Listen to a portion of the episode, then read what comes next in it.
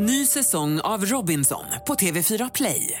Hetta, storm, hunger. Det har hela tiden varit en kamp. Nu är det blod och tårar. Fan händer just nu. Det. är Detta är inte okej. Robinson 2024, nu fucking kör vi! Streama söndag på TV4 Play. Podplay. Kinesiska hot inför valet i Taiwan, misstänkt mord i Östhammar och vissa butiker kan tvingas ta emot kontanter.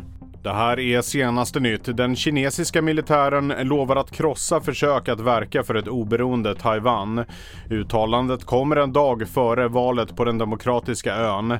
Kina anser att Taiwan ska införlivas med Folkrepubliken.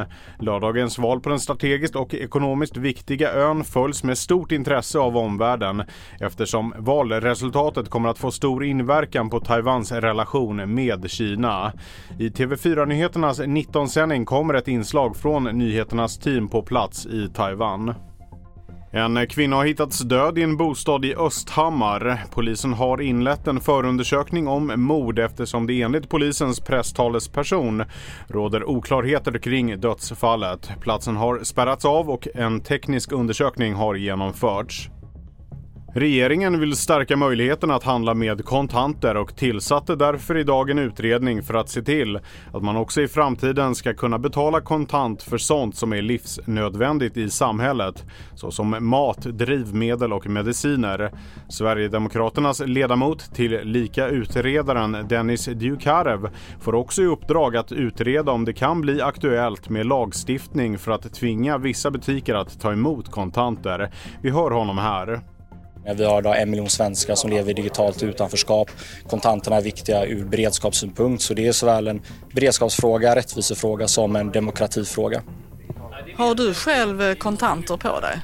Jag har tagit ut kontanter i enlighet med MSBs rekommendationer. De säger att man ska ha sedlar och mynt hemma för att klara sig under en vecka och den rekommendationen har jag följt med. Jag använder till vardags använder jag digitala betalningsmedel framförallt.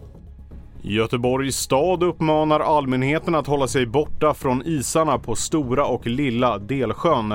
Anledningen är att Göteborgs stad har tagit vatten för drickvattensproduktion från de båda sjöarna och därmed gjort isarna instabila och farliga att gå på. Mer nyheter hittar du på tv4.se.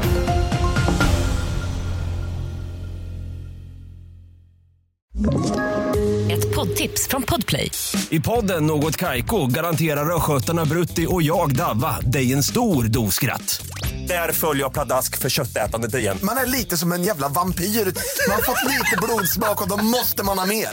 Udda spaningar, fängslande anekdoter och en och annan arg rant.